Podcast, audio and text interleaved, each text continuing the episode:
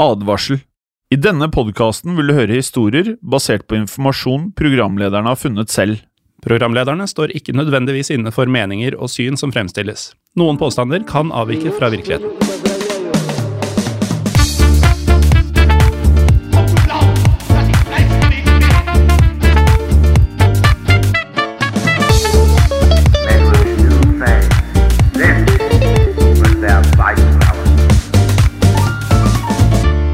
Velkommen til nok en episode av eh, historiepodden WW2, eller Historiepodden AVK er det veldig mange lyttere som har eh, sagt at vi kan bruke, for det bruker man uh, visstnok offisielt på, nor på norsk. Ja, det hadde ikke jeg fått med før vi, fikk, før vi fikk tilbakemeldinger om det. Eller historie på den andre verdenskrig, som vi da sier, men Ja. som er keitete fordi det står historie på den VV2.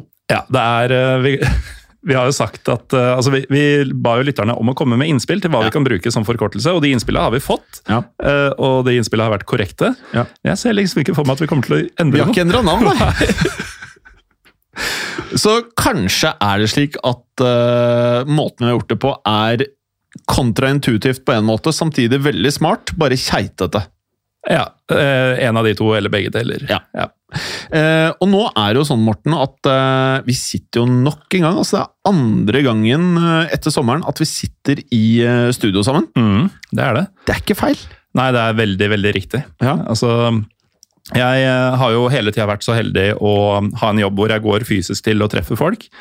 Men vi spilte jo en alt av podkaster, og både du og jeg er jo med på mange podkaster i løpet av en uke. Ja. Eh, Det ble jo mye eh, si, hjemmekontor med det. altså Sitte med en eller annen eh, møteløsning og spille inn for seg selv, og så klippe sammen to lydfiler og sånn, og det er jo ganske ille. ja, det er ganske ille. Men jeg må sende en tanke ut til de som hadde hjemmekontor gjennom vinteren, da det sto på som verst med liksom besøksforbud i den kaldeste, mørkeste tida av året, januar. Og som da ikke var ute og traff folk i jobb eller noe sånt. De, de fortjener den tida vi er inne i nå. At det stadig kommer nye lettelser, og eh, det er godt og varmt ute, og man har lov å treffe hverandre. og Og så er det ikke feil, du er jo per def eh, fullvaksinert, gitt at fullvaksinert er to doser. ja. ja. Sånn man i Norge definerer fullvaksinert, så er jeg fullvaksinert. Ja, Helt til vi skal begynne med dose tre. Ja, Og fire. Ja. Og fem.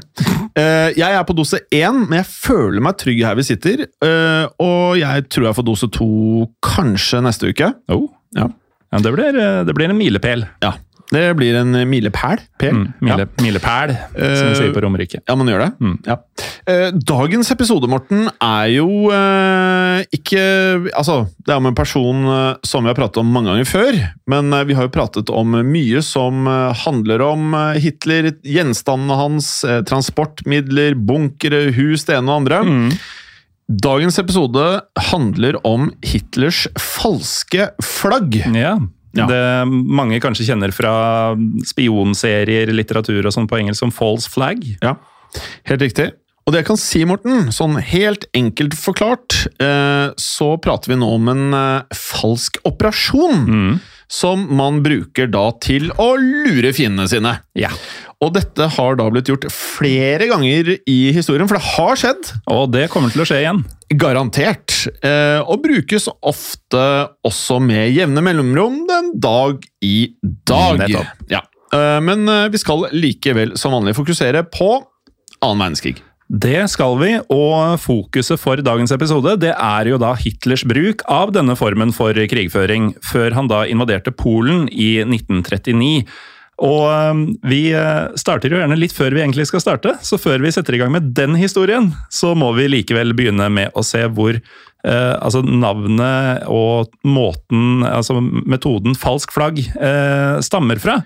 For eh, ideen om falsk flagg kommer faktisk fra den tida da det fantes eh, gammeldagse sjørøverhjem. Ja, det har vi pratet vi- om i den andre historiepodkasten. Ja, som bare heter Historiepodden, og ikke vanlige Historiepodden eller eh, Annen verdenskrig. Eller vår neste historiepodkast, som er historiepodden geografi, historiepodden konspirasjoner. Men i hvert fall, eh, ideen om eh, falsk flagg kom jo da fra eh, sjørøverne i gamle dager på verdenshavet. eh, For det var nemlig vanlig at eh, sjørøverskipene brukte nettopp et eh, falsk flagg for å lure fiender og potensielle bytter. Ja, Eh, For eksempel kunne et eh, sjørøverskip da heise et engelsk flagg. Og hvorfor gjorde man det? Jo, fordi at andre da engelske skip ikke skulle vite at de var i ferd med å bli angrepet. Nei, det er rett og slett kamuflasje. Rett og slett Vel- genialt. Veldig enkel kamuflasje. Ja. E- e- En enkel måte å gjøre noe genialt på. Enkelt og genialt. Enkelt og genialt, ja. Eh, Et annet poeng med å bruke et falsk flagg, var å da kunne også legge skylden for et angrep over på noen andre. Også et genialt element. Mm. Um, For hvis f.eks. Frankrike da ønsket å angripe Spania, men ville at Italia skulle få skylden, så kunne de da heise det italienske flagget før de gikk til angrep. Og Det er også på denne måten da at falske flaggoperasjoner stort sett har eh, også tatt form i moderne tid. Ja, og det er også den måten falsk flagg vil bli brukt i denne episoden, når vi skal se på hvordan Hitler tok i bruk denne taktikken ved ikke én, men flere anledninger i forkant av invasjonen av Polen i 1939. Og for å forstå hvorfor Hitler valgte å gjøre som han gjorde, så må vi se litt på hva som skjedde i tida før denne invasjonen. Og da, som så mange ganger før, så må vi starte med Versailles-traktaten. Ja, For et punkt i denne traktaten var jo at eh, Tyskland måtte gi fra seg et eh, landområde til nettopp Polen. Og dette landområdet ble deretter døpt om til Den polske korridor, Morten. Det gjorde det. Ja. Og dette var et meget viktig område for både tyskerne og polakkene. For Polen var jo eh, på sett og vis korridoren viktig, fordi den da ga dem en forbindelse til nettopp havet, mens tyskerne de ønsket å bruke korridoren til handel. Og Dette har blitt gjort eh, mange ganger opp gjennom historien. Hav er strategisk viktig, og dette var da en av flere årsaker til at Hitler ønsket å ta kontroll over nettopp Polen. Ja, og ifølge da Versailles-traktaten så kunne da heller ikke Tyskland annektere eller okkupere noe som helst land. Men uh, Hitler, han Han var ikke så opptatt av det Han var ikke så opptatt av det. Nei. Så allerede i 1936 så tok han annet tilbake det tidligere tyske området Rhinland. Rheinland. Rheinland. Ja. Som eh, de hadde mistet etter første verdenskrig. Jeg må bare nevne i farta, Jim, at ja. her på Moderne Media Ja. så har dere jo en uh, tysk ansatt. Ja. Som eh, jeg virkelig håper aldri hører på disse podkastene, for da, da blir det dårlig Ja, hun prater veldig godt tysk, ja. Ja, det, Og det gjør jo ikke vi. Nei, vi gjør Eller eh, vel, jeg syns vi er verst. Nei, det, det er mulig vi litt, uh, går litt langt noen ganger. Nei, det syns jeg ikke. Men i hvert fall, eh, da Hitler da tok tilbake det tidligere tyske området Rheinland, eh, så gjorde det altså Det bekymret da de andre stormaktene i Europa, men eh, de andre stormaktene i Europa de valgte likevel å ikke gjøre noe med dette. Nei. Og man skjønner veldig godt at de blir bekymret. Ehm, I mars 1938 så brøt da Hitler nok en gang traktaten eh, da de gikk inn i Østerrike og annekterte hele landet. Heller ikke denne gangen gjorde de andre europeiske landene noe som helst med nettopp dette. Eh, og Hitler han skjønte jo da at han hadde mer spillerom enn han først hadde trodd. Ehm, og med det så fikk han jo da, slik vi eh, ser dette her, blod på tann til å eh, gjøre enda mer og tøye strikken. Ja, og jeg vil jo si at historien backer oss i det synet, at Hitler Ja, fikk det- blod på tannen ja. på slutten av 30-tallet. Ja, det er helt riktig. Det samme året krevde han nemlig å få tilbake enda et område som Tyskland hadde mistet etter første verdenskrig. Ja, og det var et område som het Sudetenland. Sudetenland. Sudetenland. Eh, Som på denne tiden tilhørte Tsjekkoslovakia. Eh, Ikke overraskende så er det da dagens Tsjekkia og Slovakia. Nettopp. Eh, Tsjekkoslovakia hadde et eh, nært forhold til både England og Frankrike, og var på dette tidspunktet det eneste stabile demokratiet i eh, hele Sentral-Europa. Og da inkluderer vi faktisk Tyskland, som jo ikke var et stabilt demokrati i det hele tatt. På ingen måte. Um, og Tsjekkoslovakia ønska selvsagt ikke å miste dette området, og henvendte seg dermed til Frankrike, sin gode venn, for å få hjelp til å beskytte seg mot en potensiell tysk invasjon. Ja, og det er jo lett å forstå. Mm. Myndighetene i Tsjekkoslovakia var eh, helt sikre de, på at eh, Frankrike skulle komme til unnsetning. Eh, Men som vi da så frem til nå også, det var litt motvilje hos andre europeiske land til å gjøre noe som helst. Mm. For eh, Frankrike de eh, kom ikke til noen unnsetning. Eh, Og både England og Frankrike var eh, mer eller mindre redde for at eh, ved å blande seg inn, så ville det bryte ut en ny verdenskrig. Eh, og derfor så gjorde man ikke noe. De bestemte seg derfor for å foreslå et eh, møte der de kunne diskutere fordelingen av land sammen med Hitler i ro og mak, som ikke er det mm, lyseste punktet av eh, 30-tallet. Det er det virkelig ikke, og dette var jo da et møte som fant sted i eh, München, og har derfor senere fått navnet München-avtalen, og der har man et ord man kan google hvis dette er nytt for en, for der eh, får du vite en god del, men vi skal jo fortelle litt vi òg. Dette møtet var da i all hovedsak mellom da Adolf Hitler, Storbritannias eh, statsminister Neville Chamberlain og Frankrikes statsminister Edouard Daladier.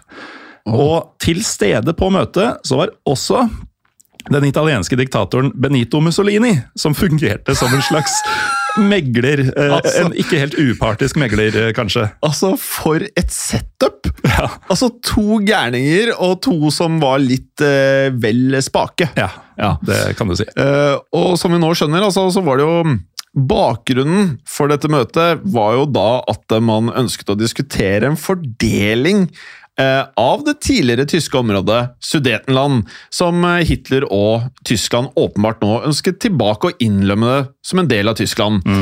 Problemet var at dette området hadde blitt svært viktig for nettopp Tsjekkoslovakia, eh, fordi all deres forsvarsverk var plassert i denne regionen.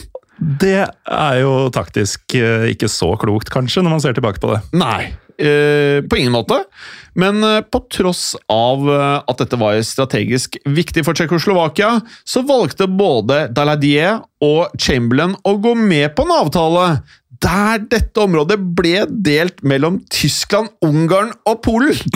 Og det er jo eh, crazy nok i seg sjøl. Tsjekkoslovakia er ikke med her. Altså, De ble tatt helt ut av ligninga. Ja. Um, og det satte jo ikke Tsjekkoslovakia pris på i det hele tatt. Og um, ei heller så var noen representant for Tsjekkoslovakia i det hele tatt invitert til dette møtet. Og til den dag i dag så omtaler da både tsjekkere og slovakere Ja. uh, München-avtalen som sviket i München. Og man kan jo forstå harmen. Altså, det er eh, mildt. Ja, det, det er mildt. Altså, her er det snakk om kan vi få beholde dette landet fordi det er sinnssykt viktig for oss. Ja. Uh, ja, la, nå skal vi andre gutta diskutere dette Nå skal. Mussolini Ja. passe på at dette går ordentlig for seg, og så skal Hitler si hva han vil ha. Og så kommer han ut fra det lukka møtet og bare Nei, Tsjekkoslovakia, nå har vi diskutert litt. Eh, de tre her skal få det, men dere er ferdig. Dere er ute av det. Um, og Frankrike og England da, de hadde, de hadde ingen kvaler med dette i det hele tatt. fordi det hadde jo tross alt tidligere vært et tysk område, og dessuten så håpa de at uh, Og dette er jo et ganske feilslått håp, har det vist seg. At denne avtalen kunne sikre freden i Europa. Ja. Vi er jo da i 1938. Så frem til nå så føles jo da Chamberlain som den direkte motsetningen av Churchill, altså etterfølgeren. Ja, det kan du si. Eh, Det lå også da mer bak denne avtalen enn Frankrike og England var klar over på dette tidspunktet, men som man nå selvfølgelig vet veldig mye mer om. Hitler argumenterte nemlig med at hans invasjoner av land og områder i Europa kun var for å sikre tryggheten til etnisk tyskere som bodde i disse områdene. Det skal også da sies at eh, det faktisk hadde vært en del eh, angrep som eh, bar preg av store mengder vold på nettopp tyskere i Tsjekkoslovakia. Så sånn umiddelbart så virker dette som et godt poeng fra Hitlers side, faktisk. Ja, en god uh, unnskyldning. Mm. Uh, dette var også Chamberlain og Daladier klar over, men uh, det de ikke visste, det var at Hitler allerede på dette tidspunktet hadde tatt i bruk et falsk flagg.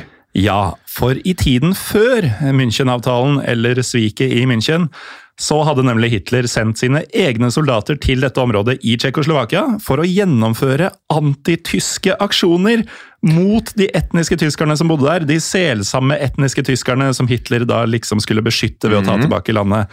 Og disse soldatene, som piratene med det italienske flagget, disse tyske soldatene de utga seg for å være fra Tsjekkoslovakia.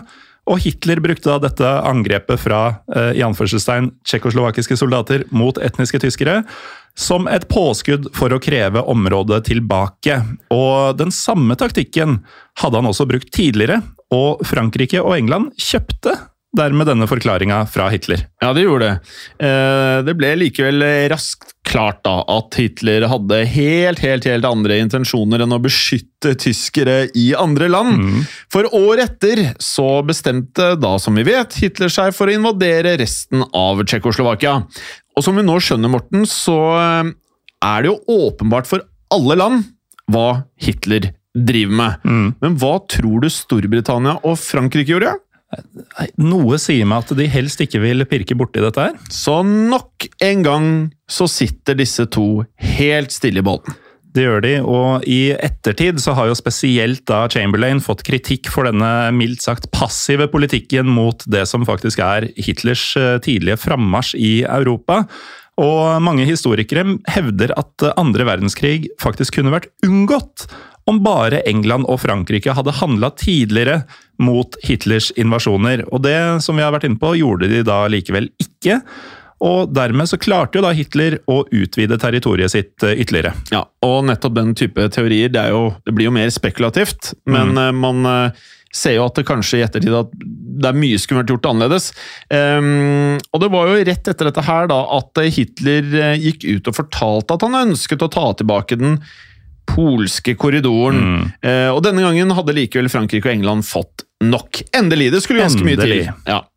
Eh, For ikke nok med at Hitler hadde brutt München-avtalen da han invaderte nettopp Tsjekkoslovakia, men nå ønsket han altså å ta langt mer land. Denne gangen bestemte dermed England og Frankrike for å sette ned foten. Nok var endelig nok. Ja, så statsministrene i de to landene gjorde det klart for Hitler at det ville bli krig om han valgte å ta seg inn i Polen. Og um, de samme landene forsikra også Polen om at uh, de ville hjelpe Polen med å forsvare grensen deres.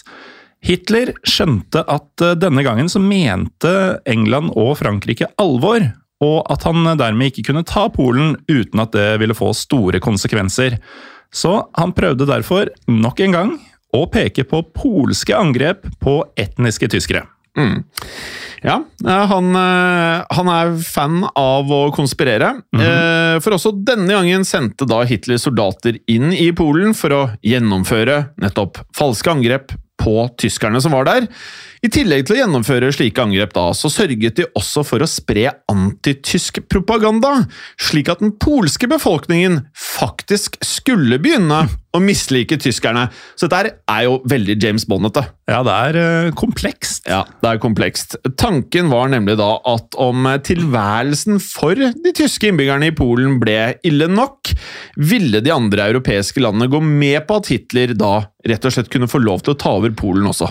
Men det her fungerte ikke like godt i Polen som det hadde gjort i Tsjekkoslovakia året før. Um, uansett hvor mange av disse falske angrepene Hitler konstruerte, så ville ikke England og Frankrike endre sitt standpunkt. Og det frustrerte jo selvsagt Hitler, som hadde trodd at disse falske flaggene skulle fungere, og da de ikke gjorde det, så bestemte han seg derfor for å tenke enda større. Ja, for på dette tidspunktet så hadde da Hitler eh, bestemt seg for at han skulle ta over Polen. Han ville likevel til det ytterste prøve å mildne reaksjonene til de andre europeiske landene. For han visste at det var sannsynlig at eh, dette ville føre til at det brøt ut krig, før eller senere, men han håpet jo da på å rett og slett bare skyve en krig lengst mulig ut i tid. Um, Han skjønte også at det ville være langt langt lettere for Tyskland å utvide sitt territorium så lenge det var tilsynelatende fred og ingen satte ned foten ellers i Europa. Ja, og i forrige episode av denne podkasten, eh, Historie på den andre verdenskrig, så snakka vi jo om Hitlers eh, Gestapo-sjef, eh, Heinrich Müller, eller Gestapo-Müller. Ja. Eh, I den episoden så hinta vi jo også om at han var med på å planlegge en falsk operasjon mot Polen før invasjonen i 1939. Og nå skal dere endelig få høre hva denne operasjonen gikk ut på. Eh, Dette var da Hitlers store falske flaggoperasjon under krigen. Ja, for selv om Gestapo-Müller var med på å planlegge dette falske flagget, var det likevel SS-lederen Heinrich Himmler og SD-lederen, altså Sikkerhetsdienst, Ja, Sikkerhetstjenesten. ja, helt riktig, Reinhard Heinrich, som da hadde hovedansvaret. Vi nevnte jo Heidrich flere ganger i episoden om Müller, men vi fortalte likevel ikke så veldig mye om han. og Derfor så tenkte vi at det kunne vært litt interessant å se litt kort på hvem Heiderich faktisk var, og hvorfor Hitler nettopp betrodde han med noen av de aller viktigste oppgavene. Ja, altså Heidrich han var eh, kjent for å forholde seg rolig i eh, absolutt alle situasjoner. Altså Han var, eh, med andre ord, og dette er ganske sjeldent blant toppnazistene, har vi inntrykk av, ikke en person som handla etter følelsene sine. Og um, En gang så beskrev Hitler Heidrich som mannen med et hjerte av stål. Som da merkelig nok, eh, det kommer jo fra Hitler dette her, var ment som en kompliment. Og Heidrich han var også av den type menneske som eh, var eh, god til absolutt alt han gjorde. Ja, for Heidrich var ikke bare flink til å drive sikkerhetsdiensten, men også svært dreven på noe som da tydeligvis står høyt i kurs hos Adolf Hitler fiolin! Ja, Og også sportsfekting, og det vet vi jo at nazistene elsket. ja Det er en ganske god sånn nazistisk totalpakke på han fyren her. Altså, Hjerte av stål! ja. Knallhard type som driver sikkerhetspoliti, spiller fiolin og fekter. Ja, og vi vet jo fra vanlig historie på den i eh, episoden som heter Nazi Battle Scars, som er eh, en av de mest interessante kuriositetene vi har laget, syns jeg, mm. så vet vi at det var jo disse her mensur fekteklubbene, hvor man rett og slett, da, for de av dere som ikke har hørt den episoden, gå tilbake i vanlig historie på den og hør den. Veldig interessant. Da hadde de egne fekteklubber, hvor ett av målene var rett og slett å ikke ha noe beskyttelse for Ja. ansiktet, så du skulle få mest mulig kjøttete ansikt. Ja, Det var eh, om å gjøre å pådra seg arr. Ja. Og vi skjønner jo nå eh, litt typen Heiderich eh, var. Altså, jeg tipper Hitler så på dette her som en type som det var vanskelig å se for seg skulle mislykkes i noe som helst. Ja, og da tenkte han at eh, han ville jo ikke mislykkes eh, denne gangen heller, så Hitler han hadde allerede beordret eh, hæren sin til å invadere Polen, men dette skulle ikke skje før den 26. august 1939. Eh, Heidrich og de andre hadde derfor noen dager på å planlegge hvordan de skulle gjennomføre de ulike falske flaggoperasjonene ved grensa til Polen. Og de visste jo selvfølgelig at eh, veldig mye sto på spill her, og arbeidet derfor eh, i beste tyske stil raskt og effektivt. Planen var å gjennomføre flere ulike operasjoner på ulike steder i Polen. Det er helt riktig, det. Og alle operasjonene fikk det overbeværende operasjonsnavnet Operasjon Himla. Oi, Ja, nettopp. Som navnet tilsier, var det da altså Himmler som hadde hovedansvaret for at Heidrich sine planer ble gjennomført. Mm. Det var likevel da Heidrich som fikk i oppgave å rekruttere de agentene som da skulle gjennomføre operasjonen, og han var aldri i tvil om hvem han skulle velge til å lede dem. Nei, for i sin eh, store stall av eh, høyt trente agenter, så hadde Heidrich en tidligere amatørbokser som het Alfred Naujoks. Og Naujoks han var medlem av Heidrichs eh, gruppe med soldater og agenter som ble kalt Einsatzgruppen. Og han hadde på dette tidspunktet, selv om han bare var eh, 30 år gammel, allerede vært med på flere lignende operasjoner for Heidrich og Tyskland. Vi skal snakke mer om Naujoks og Operasjon Himmler, men aller først skal vi ta en aldri så liten reklamepause. Vi er straks tilbake. Tjos! Velkommen tilbake til historiepodden andre verdenskrig og denne episoden om Hitlers falske flagg. Før pausen så bygde vi opp til Hitlers planlagte invasjon av Polen i 1939, og så hvordan han ønsket at agenter skulle gå inn i Polen før selve invasjonen og gjennomføre en rekke ulike falsk flagg-operasjoner, slik at det skulle framstå som at det var Polen som angrep Tyskland først. Ja.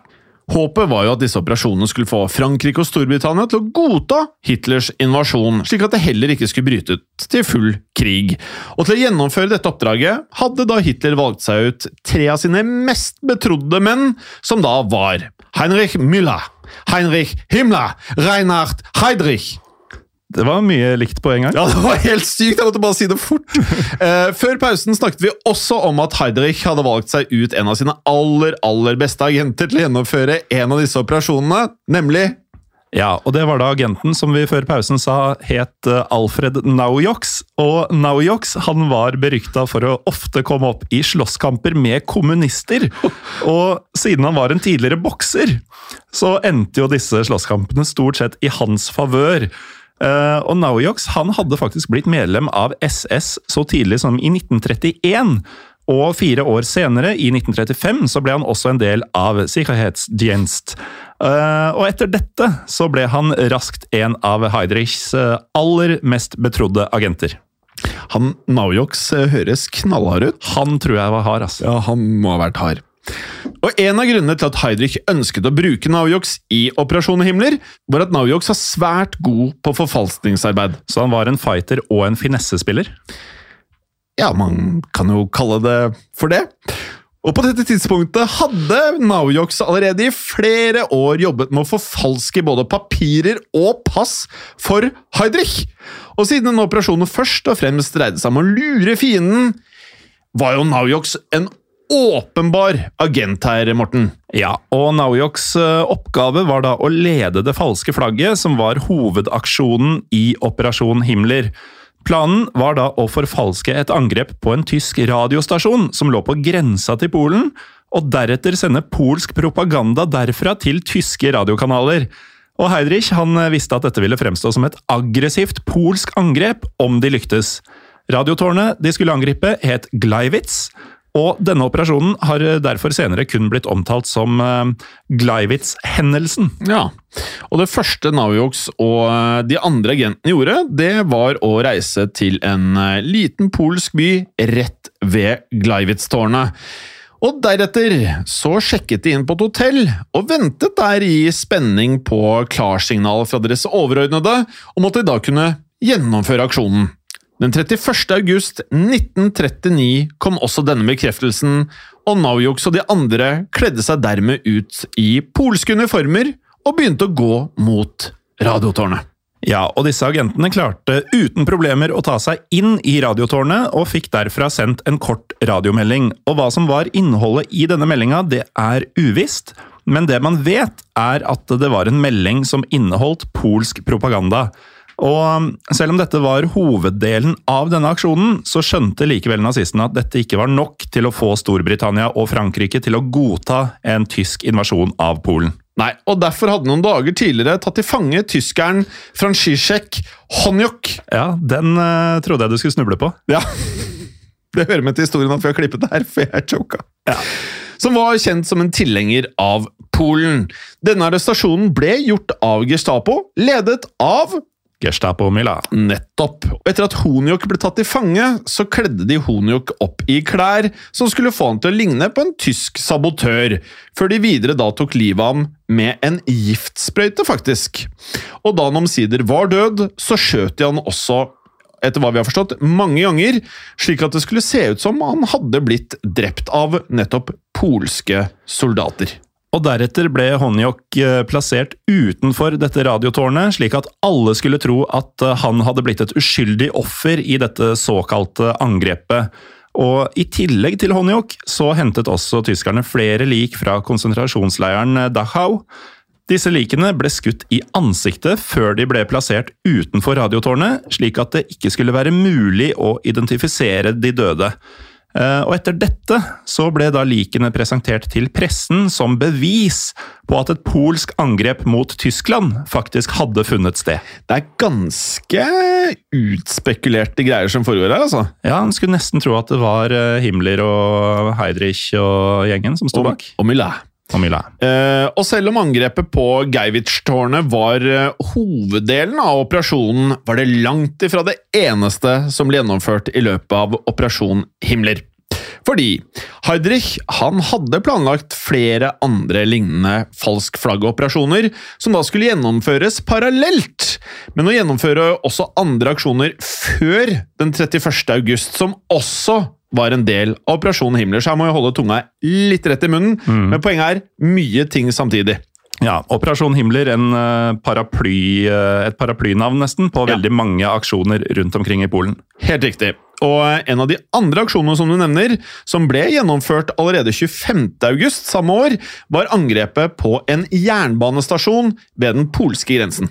Ja, og det er en forskjell på dette angrepet og de falske flaggoperasjonene som ble gjennomført senere.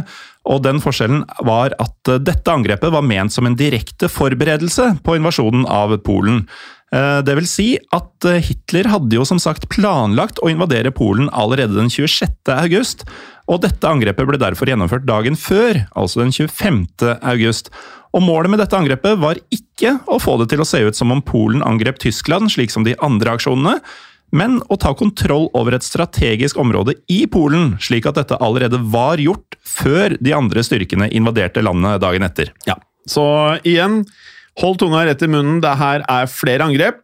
Eh, og dette området som det var eh, snakk om, det var Jamblonkov-passet, som var en svært viktig transportrute inn og også ut av Polen. Og En del av denne passasjen var en tunnel som Hitler ønsket å bruke når han skulle invadere Polen. Så den operasjonens mål var derfor å sikre at polakkene ikke ødela tunnelen, slik at tyskerne da kunne komme seg inn i landet gjennom denne tunnelen, som eh, er ganske smart. Det er det jo, og en gruppe med tyske soldater kledd ut som sivile tok seg dermed inn i Polen og prøvde deretter å ta kontroll over jernbanestasjonen og tunnelen i Jablonkov-passet. Det de ikke visste, var at Hitler på dette tidspunktet allerede hadde bestemt seg for å utsette invasjonen til den 1. september, og det de heller ikke var klar over, var at polske soldater hadde blitt utplassert ved denne tunnelen allerede i juni dette året. Ja, og da de kom frem til tunnelen, brøt det dermed ut et eh, ja, mildt Det er vel mildt å kalle det kaos. Det var eh, mye som, eh, som skjedde her. Eh, De tyske soldatene hadde ikke regnet med å møte på polske soldater, og ble derfor rett og slett tatt på sengen. Og etter en brutal skuddveksling så ble tyskerne nødt til å trekke seg tilbake og rett og slett innse at operasjonen hadde på dette tidspunktet nå blitt mislykket. Dette var en katastrofe for Hitler, og hans plan da om å legge skylden for den forestående invasjonen av Polen på Polen Ja, for dette kunne da altså ødelagt for Hitlers plan om å bruke falske flaggoperasjoner senere, men ved hjelp av en tysk general som het Eugen Ott, klarte Hitler likevel å overbevise Polen om at det ikke var han som sto bak dette angrepet. Eugen Ott oppsøkte den polske general Josef Kustron rett etter det mislykkede angrepet, og forklarte at dette var blitt gjennomført av et enkelt individ som ikke hadde noen ting å gjøre med de tyske myndighetene. Ja, og dermed kunne da altså Hitler gjennomføre de planlagte aksjonene den 31. august likevel. Som vi allerede har sett, ble også de aksjonene en suksess for Hitler. Og angrepene ble gjennomført akkurat slik de hadde blitt planlagt av Heidrich, og Hitler var nå sikker på at han etter dette kunne invadere Polen nærmest uten problemer. Den 1. september 1939 så talte Hitler til det tyske parlamentet og erklærte offisielt krig mot Polen, og i denne talen så la han spesielt vekt på det påståtte polske angrepet på radiotårnet Gleiwitz. Han forklarte at Tyskland ikke lenger kunne stå og se på at Polen terroriserte tyske borgere, og at de derfor ikke hadde noe annet valg enn å invadere Polen med det samme. Ja, og dette her, for de som hører nå, så skjønner man at dette her er en veldig viktig del av eh, annen verdenskrig. For eh, dette er da faktisk formelt egentlig starten på WW2, altså annen verdenskrig. Eh, og selv om vi nå nærmer oss slutten på denne episoden, altså om Hitlers falske flagg, så er dette her eh, for mange ikke så kjent, faktisk. Nei, det det er det ikke. Altså, det er veldig mange som opererer med 1940 til 1945, Mhm. men eh, vi er altså vi har en god del igjen av 1939, når Ja. krigen faktisk eh, begynner. Det er nettopp det, og fremdeles den dag i dag så er det fortsatt flere detaljer man ikke kjenner så godt nettopp fra Operasjon Himmler, fordi operasjonen tross alt var eh, ja, den var eh, strengt hemmelig. Mm. Eh, og de aller fleste som tok del i den operasjonen, mistet også livet i løpet av krigen. Og flere historikere mistenker jo da at det var Tyskland selv faktisk, som tok livet av disse. Nok en gang så beveger vi oss innom konspirasjonsfeltet. Aldri langt mellom nazister og Nei, det er mye konspirasjoner.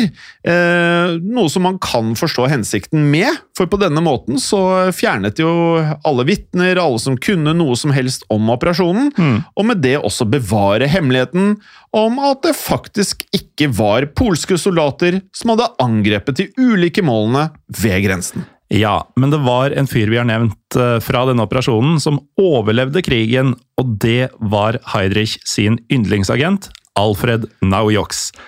Etter krigen så ble Naujoks tatt til fange av amerikanerne, og det er fra han at vi har de aller fleste opplysningene om Gleiwitz-hendelsen.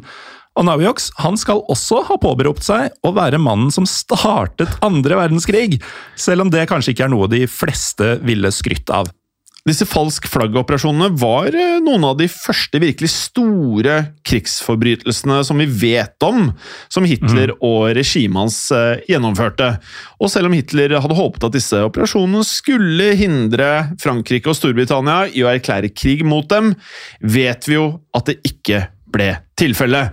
Man kan likevel argumentere da for at disse operasjonene var noe av det som fikk med det tyske folket og støtten de da trengte for å gjennomføre en storslått krig. Ja, og det var alt vi hadde for denne gang i historiepodden andre verdenskrig. Og som vanlig så håper vi at dere har kost dere med denne fortellinga. Det er eh, ofte mørke greier vi er innom, men det er også utrolig spennende ofte. Og um, hvis du faktisk har kost deg med dette, så har vi jo, som vi har nevnt et par ganger, en annen historiepod også. Ja, det har vi. Det er rett og slett bare en vanlig historiepodden. Veldig enkelt navn, eh, selvfølgelig, og logisk og lett å skrive og alt dette her. Eh, vi har en eh, Facebook-gruppe. Historie for alle. Den er vel fort på 3500 medlemmer. eller Ja, noe sånt. det er, det er like ved, altså. Så hvis du melder deg nå, så kan du være hun eller han som blir nummer 3500. Ja, og da kan vi eh, love deg absolutt ingenting. vi har ikke noe merch, så vidt jeg vet. Men eh, det kan bli det. Ja, Så kanskje du får merch, kanskje ikke, vi vet ikke ennå. Men eh, hvis vi har merch, så får du merch. Eh, og så har vi da en Instagram-konto som heter Historiepodden Norge. Det samme heter vi faktisk på Facebook. Ja, Facebook-siden Historiepodden Norge, Ja. Facebook-gruppa Historie for alle. Og så er det vel noen ratingmuligheter i iTunes og sånn, er det ikke det? Jim? Jo, det er helt riktig. Jeg observerte noe veldig spennende her, skjønner du. Og da er du Jeg, var, jeg hadde litt lite å gjøre her om dagen. Mm. Og så oppdaterte jeg podkast-rappen som jeg har på min eh, iPhone. Og da lå vi jo etter forrige sending på 4,7 i snitt på stjerner. Og det som da skjedde, var at noen var eh, på eh, Som sikkert i stedet for å gi oss fem, ga oss fire eller tre eller et eller annet. Og da gikk vi ned til 4,6. Oi, det Så er vi- små marginer. Ja, så vi gikk ned. Men før sending i dag så sjekket jeg på nytt, og nå nærmer vi oss 350 ratinger. Og da er vi tilbake på 4,7! Oh, Det er veldig spennende. ja, det Ja. er det. Og det betyr at dere som hører på, kan eh, vippe oss eh, den ene eller den andre veien. Ja. Vi eh, ønsker gjerne å gå oppover, vi. Ja, Men jeg lurer på, det skal ganske mye til for å bli fem blank.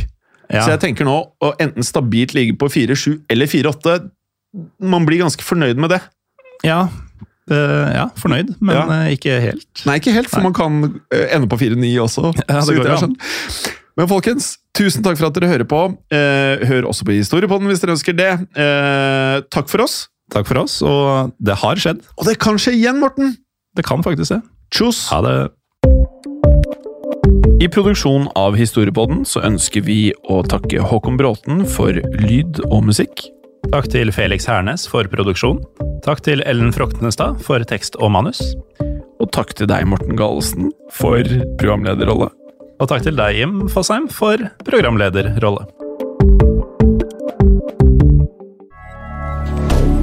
Moderne media. Kiwi er billigst i VGs matbørs og har vært billigst i fire av de fem siste VGs matbørser. Og nå presser vi prisene på frukt og grønnsaker. På 200 gram broccolini setter vi prisen til 24,90. På 400 gram Cevita blåbær setter vi prisen til 49,90. Og husk, alle Kiwi Pluss-kunder får i tillegg 15% trumfbonus på all fersk frukt og grønt. For det er vi som er prispresserne. Og vi i Kiwi gir oss aldri på pris.